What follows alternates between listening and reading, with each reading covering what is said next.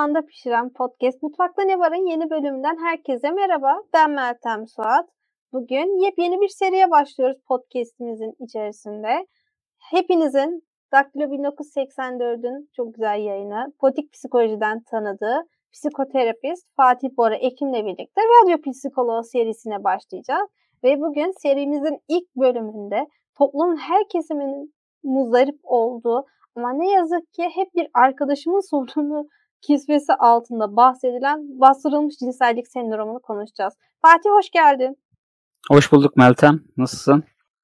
Teşekkür ederim. Fatih öncelikle ben sana şunu sorarak başlayayım. Bastırılmış cinsellik sendromu nedir? Nasıl bir tanımı var?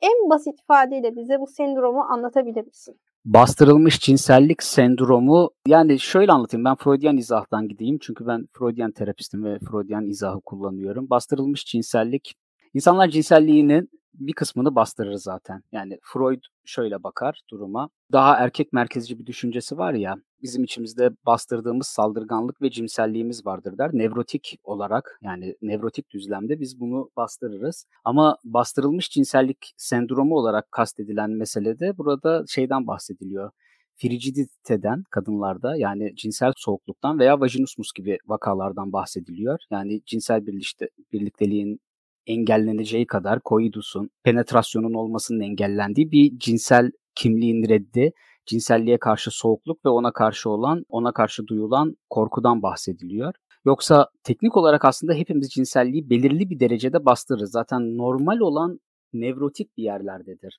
İnsanın normalde karşıladığı yer nevrotikte bir yerlerdedir ama bunun dozu ve kontrolünün kimde olup olmadığı oradaki asıl belirleyicidir belirli bir yerden sonrası bir problem olarak görülür ama bir yere kadarı da normaldir. Toplumda insanlar cinselliğini bastırır. Toplumun büyük bir kesimi evet bu sendromdan müzdarip. Bunu da şöyle görüyoruz. Mesela son dönemde sık sık artan Marmaray'da işte sarılan çifte saldırı, metrobüste öpüşen çifte tepki gösterdi. Şöyle oldu böyle oldu tarzında haberler görüyoruz ve Hani bu Freud'un bakış açısıyla bakıldığında senin dediğin gibi aslında bastırılmış cinsellik sendromu ile ilgili Bastırılmış cinsellik sendromu nasıl dışa vurulur ve bastırılmış cinsellik nasıl insanların psikolojisinde ne gibi dönütler yol açar? Hani bastırılmış cinselliği olduğunu nasıl anlayabiliriz? Bir öfke kontrolsüzlüğü mü olur? Ya da devamlı bir cinselliğe bağdaştırma mı olur? Şimdi şöyle söyleyeyim. İnsanlığın cinselliğini bastırmasında az önce dediğim gibi belirli bir limit ve kural kaide olması gerekiyor. Bunun aşırı bastırıldığı toplumlar bir mekanizmayla bunu çok fazla bastırdığınız zaman toplumsal olarak bunu kontrolden bu kontrolden de çıkmaya sebebiyet veriyor. Doyumsuzluk, doyulmamışlık var burada. Cinsel tatminsizlik olarak bakalım. Yani cinsel olarak tatmin edilmemiş insanlarda öfke olması beklenilen durumlardan bir tanesidir.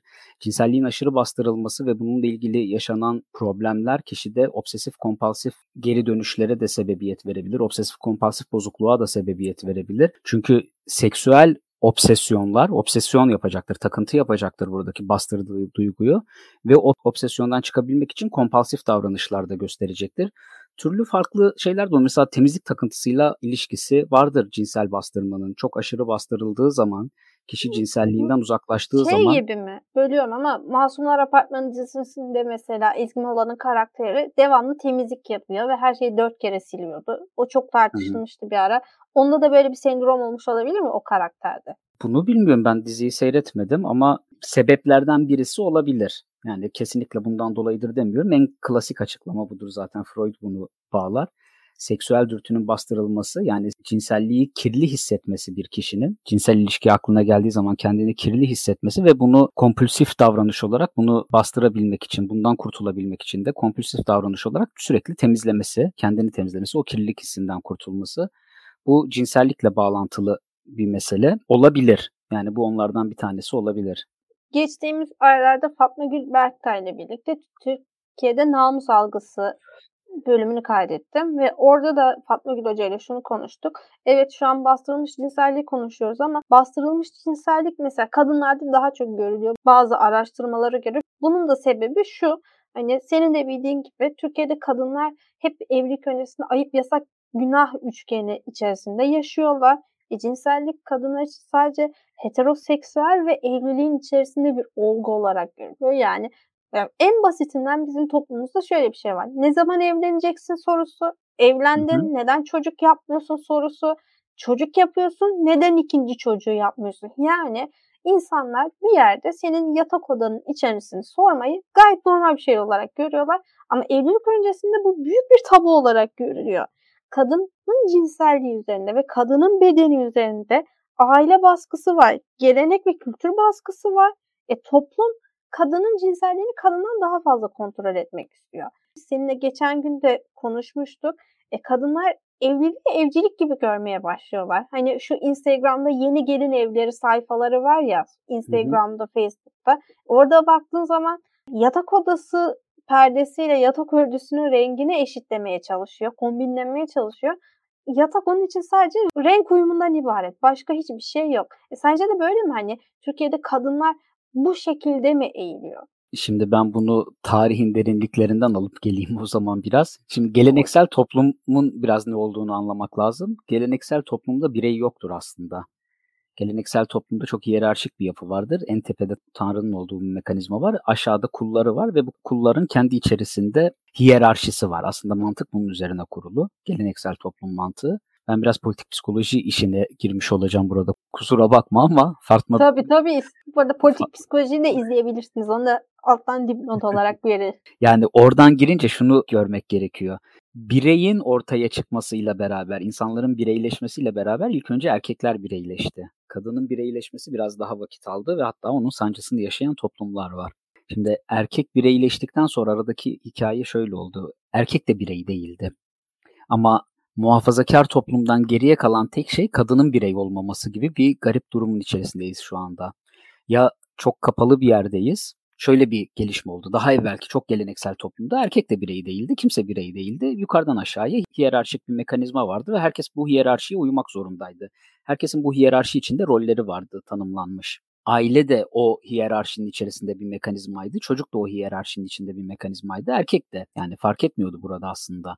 Ama aydınlanmayla beraber erkekler öncelikle kendini bu mekanizmanın içinden çıkardı. Onlar birey olmaya başladılar ama kadına bu birey olma hakkı verilmedi. Zaten feminist hareketin ilk ortaya çıkışı bu Birinci Dünya Savaşı ve evveli ve sonrasındaki dönemde endüstri devriminde kadınların da rol alması, onların da fabrikalarda çalışmaya başlaması, özellikle savaş döneminde kadınların geri hizmette de var olmaya başlamasıyla kadınlar erkeklerin sahip olduğu modern toplumda sahip olduğu birey haklarını biz de istiyoruz dedi. Yani biz de bireyiz. Hikaye buradan çıkıyor ama bazı toplumlar bizimki gibi toplumlarda kadının bu bireylik hakkı erkeğe reva görülen bireylik hakkı kadına reva görülmüyor. Çünkü bir ikircikli durum var. Ben yargılamak için söylemiyorum. Çok samimi bir şekilde söyleyeyim. Yani çok katı bir mekanizmanın olduğu veya olmadığı bir yerden de yargılamıyorum ama burada ikircikli durum şu.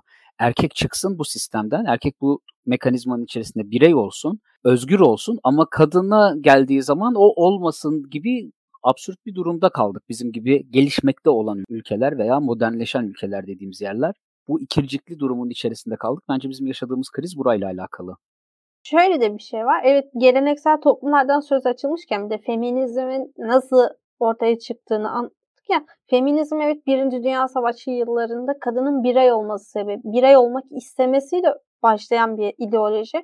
Ama feminizmin mesela üçüncü dalgası kadının ne olmasını istiyor? Kadının üreme özgürlüğü olmasını istiyor, doğum kontrol özgürlüğü olmasını istiyor, özgür e, cinsellik istiyor ama diyor ki biz özgürce doğum kontrolü kürtaj da yaptırabilelim. Bizim haklarımız da olsun diye. Şimdi baktığınız zaman Türk toplumuyla karşılaştırdığında Türkiye'de doğum kontrolle ilgili herhangi bir yardım alabileceğimiz bir yer yok. Hastaneye gittiğimizde artık devlet hastaneleri kürtaj yapmıyor ki bunu hem bir önceki bölümümüzde Amerika'da kürtaj tarihi bölümünde Sedef Hoca ile konuştuk. Hem de daha önce Kadir Has Üniversitesi'nden Deniz Hoca ile Türkiye'de kürtaj araştırmaları raporu yayınlandığında konuştuk. Devlet hastaneleri böyle bir hizmet sağlamıyor. E, Türkiye'de zaten kadınlar içe dönük bir şekilde yaşıyorlar. Hep evdeler. E ne yapıyorlar? Bu sorunlarını çözebilecekleri bir yardım kuruluş, bir mekanizma yok. Feminizm şu an 3. dalga, 4. 5. dalgayı tartışırken biz belki de hala 3. dalganın sorunlarını tartışıyoruz. Neden kürtaj işte fiilen yasak, neden yaptıramıyoruz, neden devlet bize ücretsiz doğum kontrol hizmeti sağlamıyor diye. E kadınlar bizde geriden geliyor. Bir de şöyle bir şey var. Türkiye'de kadın cinselliği hep korkular üstüne kurulu. Ne bu korku? Bekaretini kaybetme. Bu evlilikten önce, evlenmeden önce ilişkide hamile kalma, evlendikten sonra hamile kalamama ve menopoz. E çünkü kadının toplumda saygı görmesi hep bir çocuk yapmasına bağlı. Çocuk yaptıysan toplumun içine girersin. Evlendin, çocuk yaptın. Yapamadıysan, bekar bir hayat yaşıyorsan o hani kadının bir yerden bak kötü kadınmış gibi durmasına sebep oluyor. Kadın da bunu devamlı saklıyor. Ben sana şunu da sormak istiyorum. Şimdi Freud kadınların bir penise sahip olmadıkları için erkekleri kıskandığını iddia ediyormuş. Sen bu iddiayı nasıl yorumluyorsun? Freud çağının adamı anakronik yargılamayalım da Freud'u. Ama şunu söyleyebilirim. Freud'un çağından baktığı zaman öyle olabilir. Yani penisi erk olarak, güç olarak görüyor. Doğru bir bakış açısı mı? Bilmiyorum yani çok kritize edilebilir buradan. Evet fazla erkeksi düşünüyor. Her şey erkek üzerinden kuruyor ama Freud'un döneminden bakıldığı zaman da öyle görünüyor. Medeniyet erkeklerin medeniyeti. Sanırım bizim üçüncü dalga dediğimizde veya şu anda kadınların özellikle işte İkinci Dünya Savaşı'ndan sonra çıkan feminizm aslında bu bu dalga barış dönemine dair bir mesele. Orada medeniyet erkeğin üzerinden kurulduğu zaman yani savaşların dünyaya hakim olduğu bir dönemde medeniyet erkek medeniyeti oluyor. Yani ona ona çok yapılabilecek bir şey var mı bilmiyorum. Savaşta erkek ölüyor ve erkek medeniyeti kuruyorlar. Yani savaş toplumu, barış toplumunun içerisinde sanırım bu eşitlik meselesi daha çok öne çıkıyor. Kadının savaş olan bir toplumun içerisinde erkeğin orada otorite haline dönüşmesi, genç erkeğin, savaşabilen erkeğin, erkekliğin ön plana çıkıyor olması kabul edilebilir bir durum. Yani beklenilen bir durum daha doğrusu kabul edilebilir demeyeyim de beklenen bu olacaktır. Lider kadın bile olsa durum değişmiyor. Hani İngiltere'de savaş içerisindeydi. Çok da maskülen bir toplumdu ama kraliçe de vardı iktidarda. Yani iktidardaki kişinin kraliçe olması da durumu değiştirmiyordu.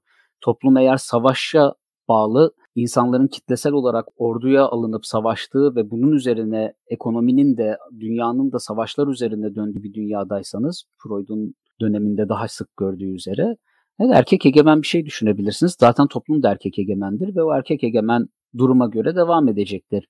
Burada dışarıda olanların yani o egemenlik alanı içerisine girememişlerin buna karşı bir haset duyuyor olduğuna dair tez, Freudian tez yani yanlışlanabilir mi? çok da kolay yanlışlanamaz ama doğrulanamaz. Bu yüzden yani ne kadar bilimseldir diyebiliriz bilmiyorum ama bu bir anlatı ve bu anlatının içerisinde farklı bir anlatıyla çelişiyor olabilir. Doğru söylüyorsun. Yani buna bir şey diyemem. Hakikaten feministlerin bu konudaki itirazını yanlışlayamam da çünkü Freud'un iddiası da yanlışlanabilir bir iddia değil. Yani bilimsel yanlışlanabilir bir iddia değil.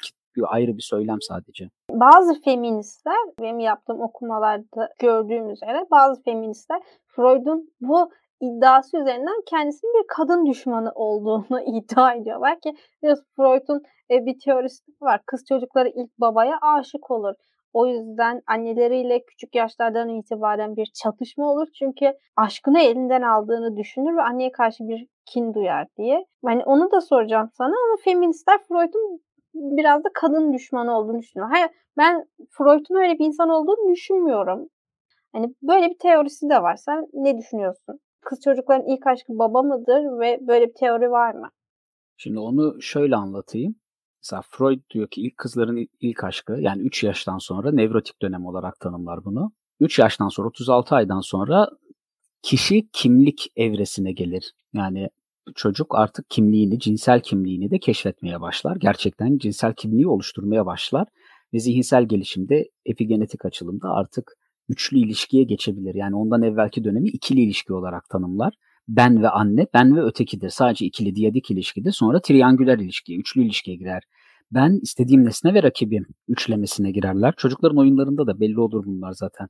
Çocuklar işte o CE oyunlarında kendilerini saklamalarında, dışarıdakinin ne düşünüp düşünmediğiyle ilgili empati kurma yeteneklerinde, üçüncünün varlığını hissetmelerinde bu döneme denk gelir. Babayı da bu dönemde hisseder. Hem erkek çocuk hem kız çocuğu.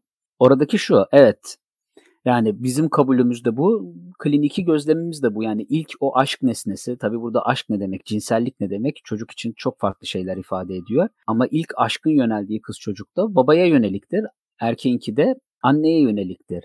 Ama Freud'un bu açıklamasında Kohut başka bir açıklama getiriyor. Bunu inkar etmeden, buna karşı çıkmadan. Onun söylediği şu mesela, Freud kendi babasıyla çatışma yaşamıştır ve herkesin bu çatışmayı yaşayacağını söyler der. Ve bu ödipal çatışma diyoruz ya Oedipus kompleksi hikayesi aslında Freud da yani kadınlar için söylediği de Elektra kompleksidir. Bu hikayeleri Freud kendisi icat etmedi. Bunlar da antik Yunan'dan beri devam eden anlatılar üzerine kurdu. Aslında Freud bir çeşitte antropoloji derlemesi yapmış oldu. Tarihin içerisindeki antropolojik ve teatral hikayeleri, belki eski Yunan dinine ait hikayeleri alıp derlemiş oldu ve bunları bilimin içerisine katmış oldu. Yani bir çeşit skolastik düşünceyi de aslında getirmiş oldu yanında. Velhasıl kelam şunu söyleyeyim yani bu insanlığın ortak mirasının içerisinde olan düşüncelerdi. Karşılığı var mı? Var ama Kohut'un söylediği gibi de şu yani Freud işin bu tarafını deneyimlediği için bu tarafını görmeyi tercih etti. Ama erkek çocuk bu süreçte babayla kooperasyon da kurabiliyor. Kız çocuk evet babaya aşık oluyor ama anneyle rekabet yerine kooperasyonu da seçebiliyor. Yani kooperasyonu kurmak da mümkün. Bu nasıl bir anne ve nasıl bir babayla bu süreci atlattığınıza, bu süreci nasıl yaşadığınıza bağlı olarak değişecektir. Freud zorunlu olarak bu çatışmanın yaşanacağını, 3 ila 7 yaş arasının mecburen çatışma dönemi olduğunu söyler. Kohut hayır, illa çatışma dönemi olmak zorunda değil, kooperasyon dönemi de olur diyebilir. Ama ilk aşk anneye ve babaya mı dersen, anne ve baba demeyelim yani ilk anne figürüne ve baba figürüne gider. Evet ben ben de Freudian düşünüyorum burada. Orada anne figürü bir abla olabilir anne figürü ilkokul öğretmeni olabilir, anaokulu öğretmeni olabilir. Orada anne figürünü kime götürdüyse baba figürü birisi olabilir. Ama aşk buraya doğru yönelecektir ve sonra bunun normalleşmesini çocuk öğrenecektir. Freud'dan biraz daha günümüze geldiğimizde evet dediklerine katılıyorum. İlk çocukların ilk aşk genelde kendisine ilgi gösteren bir anne ya da baba figüründe oluyor ve ilk hayal kırıklığını da orada yaşıyor. Ne yazık ki çoğumuz yaşadık bunu. Şimdi günümüzde baktığınızda Türk toplumunda özellikle kadınlar devamlı kendi hormonlarını bastırmak zorunda kalıyorlar ki bunu dediğim gibi evlerini devamlı süsleyen kadınlar işte mesela televizyonda bir program var Gelin Evi diye. İnanılmaz cringe bir program. Millet birbirinin evine gidiyor ve yatak odasını, yatak örtüsünü eleştiriyor. Ya da en basitinden Türkiye'de çeyiz serme diye bir adet var. E ne bu? Kadın evlenirken damadın bütün akrabaları kadın evine gidiyor ve onun evlendikten sonra giyeceği gecelikleri, iç çamaşırları yerleştiriyor. Bence korkunç bir travma bu. Yani en mahrem olması gereken şeyi herkes görüyor ve bunu saklayamıyorsun. Ya da atıyorum o evleneceğin adamın annesiyle birlikte kendi gecelik almaya gidiyorsun. Saçma sapan bir gelenek bu. Onda bile kendi istediğin şeyi alamadığın için, kendi istediğin şeyi yapamadığın için gene yaşamak istediklerini bastırmak zorunda kalıyorsun. E şimdi mesela günümüzde herkes bir date app'i kullanıyor.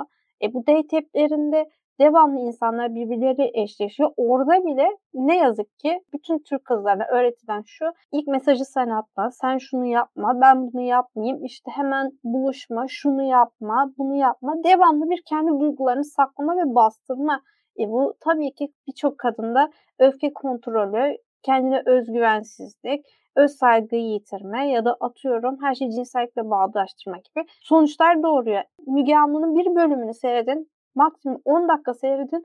Orada çok dindar gösterilen, hani bu sözün meclisten dışarı ama o başörtülü, eşarplı, etekli teyzelerin, ablaların neler çevirdiğini görün. Ya bu tamamen özgürce olduklarını yaşayamamaktan kaynaklanıyor bence. Sen de öyle mi düşünüyorsun?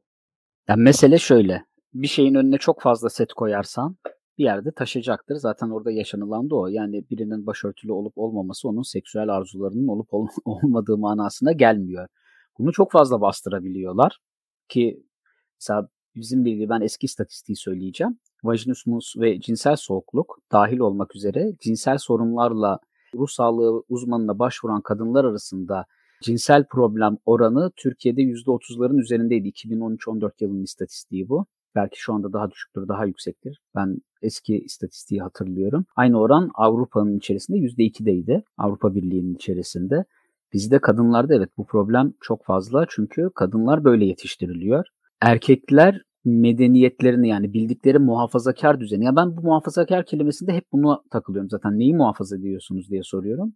Muhafaza ettikleri bir aile yapısı var. Ama bu aile yapısında kendilerini aynı şekilde muhafaza etmek istemiyor erkekler. Sanırım son bir 50-100 yıldır da çok muhafaza etmiyorlar. Belki 200 yıldır. Ama burada muhafaza etmeye çalıştıkları şey kadının o eski düzendeki versiyonu. Yani gidip oradaki kadınla evlenip bir ikircikli hali yaşayan burada en çok erkekler zaten oradan bir kadınla evlenip ailesini o kadının üzerinden devam ettirip bir bölmeyle, farklı bir kişilikle, farklı bir dünyada farklı bir kadınla aynı şeyi tekrar etmek. Bu aslında bizim içimizde edebiyata vesaireye de girmiş. Bu Battal Gazi'nin Eleni'yi alıp Emine yapma hikayesini biliyorsunuzdur.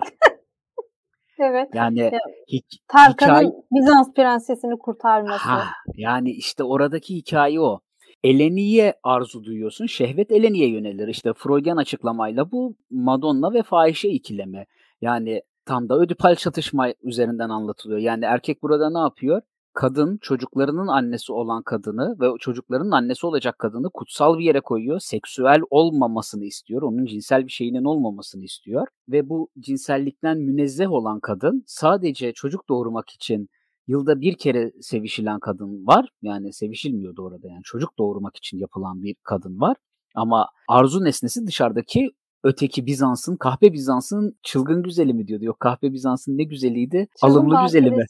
Ya şey. yok yok. Öyle bir tamlama var. Yani oradaki Eleni'ye şehvet duyuyor. Şehvet o tarafa yöneliyor. Eleni'yi alıp mesela biz hikayenin şey kısmını bilmiyoruz. Eleni'nin alınıp başının örtülüp emine olduktan sonra başına ne geldiğini bilmiyoruz. İşte yani Eleni'yi alıp eve koyup başını örttükten sonra onu çocuklarının anası yaptıktan sonra acaba Battal Gazi halen Emine'ye aynı şehvetle bakıyor mu? Masalımız burada bitiyor. Günlük hayatta yaşadığımız masalda masalın burada bitmediğini görüyoruz. Masal demişken şeyi de araya gireyim. Ben masalların orijinalini okumuştum da bir ara mesela. Kırmızı başlıklı kız aslında Freudisyen bakış açısıyla yazılmış. Belki sen de biliyorsundur. Kırmızı işte seksüel şeyi arzuyu ifade ediyor. Kırmızı başlıklı kız aslında bir ergen ki ergenliğe de değineceğim. Kızın gittiği yer de aslında bilinçaltıymış. Annesi de onun süper egosu. Hani Freud'da var ya alter ego, it, süper ego ve kendi benliğin. Kırmızı başlıklı kız aslında kendi bilinçaltını keşfediyor ve annesi onu bastırmaya çalışıyor. Masal demişken ona da bir değinmek istedim. Masallar zaten bu hikayeleri yani bütün masalların altında psikanalitik yorum yapabilirsin. Psikanaliz bütün dünyayı açıklayan bir yöntemdir. Yani son kapalı metaneratif olabilir. Hatta bir çeşit peygambervari bir söylem aslında. Neyse oraya çok girmiyorum. Evet yani kırmızı başlıklı kız hikayesini böyle de okuyabilirsin. Böyle de analiz edebilirsin. Bu analizde kırmızı başlıklı kız seksüel arzusunu keşfeder ve oraya doğru gider ve o bunu yapmaması gerektiğini öğrenir. İnsanların işte ergenlikte yaşadığı kriz bu. Cinselliği keşfediyorsun ve nerede başlayıp nerede bitireceğini yani sınırını keşfetme hikayesi. Sınırsızlık olur mu? Yani sınırsızlık iddiası da bana çok gerçekçi gelmiyor. Ne yalan söyleyeyim. Ben sınırsızlık olabileceğini de düşünmüyorum. Böyle bir şey yapabilir miyiz? Toplum toplum halinde yaşıyorsak bunu yapamayız. Bununla ilgili de çalışmalar var. Çok muhafazakar olduğunu iddia ettiği için feministlerin bir kısmı da çok karşı çıkıyor ama burada Kanazawa'nın ben örneklerine hep bakıyorum. Biraz linçlenen bir adamdır. London School of Economics'in antropolog ve evrimsel psikoloğu. O şey diyor yani bir yerden sonra eğer tamamen serbest bir toplum olduğu zaman kadın erkek ilişkilerinde babam başka bir yere çıkacağız. Buradaki hikaye şuna gidiyor. Erkeğin çok eşli olduğu bir topluma çıkacağız. Tinder'dan ve benzeri app'lerden bahsettin. Oradaki eşleşmelerde de erkeklerin küçük bir grubu sanırım %5'i %10'u eşleşme alabiliyor. Geriye kalan %90-95 erkek eşleşmelerin tamamen dışında. Sistem şeye dönüyor. Çok Marksist Marksist mi konuşmuş olacağım da yani kapitalist bir tüketim toplumuyla beraber bu serbestiyet app'ler şey gibi kadın haremi, kadınlar kendine bir harem kuruyormuş gibi. Yani %5'i eşleşme alıyor dedin ya. Kadınlar yani, çok eşli oluyormuş gibi. Zaten Kanazawa'da da bunu iddia ediyor. Onun Sudan'da örneği var. Polijinik toplum yani poligaminin yani kadınların değil erkeklerin çok eşli olduğu toplumu kadınların yarattığını söylüyor. Onun gözlemi de bunun üzerine Sudan'da, Afrika'da birkaç kabilede vesairede de gözlemleri var. Söylediği şey şu yani kadının seçme özgürlüğü tamamen olduğu zaman çünkü eskiden kadında değil seçme özgürlüğü, seçme özgürlüğü cinsel ilişkide toplumda ve babada yani aile büyüklerinde böyle olduğu zaman bir dağılım oluyor. Mesela eski köylerde köyün kısa boylusu da fakiri de herkes bir şekilde evlenebiliyor. Ama bizim toplumumuza geçtikçe bir kısım insan evlenemiyor. Zaten bu insel hareketi de aslında bunu anlatmaya çalışıyorlar. Agresyonları da ondan dolayı bizi reddedilenleriz diyorlar. E, toplumun bir kısmındaki erkekler reddediliyor.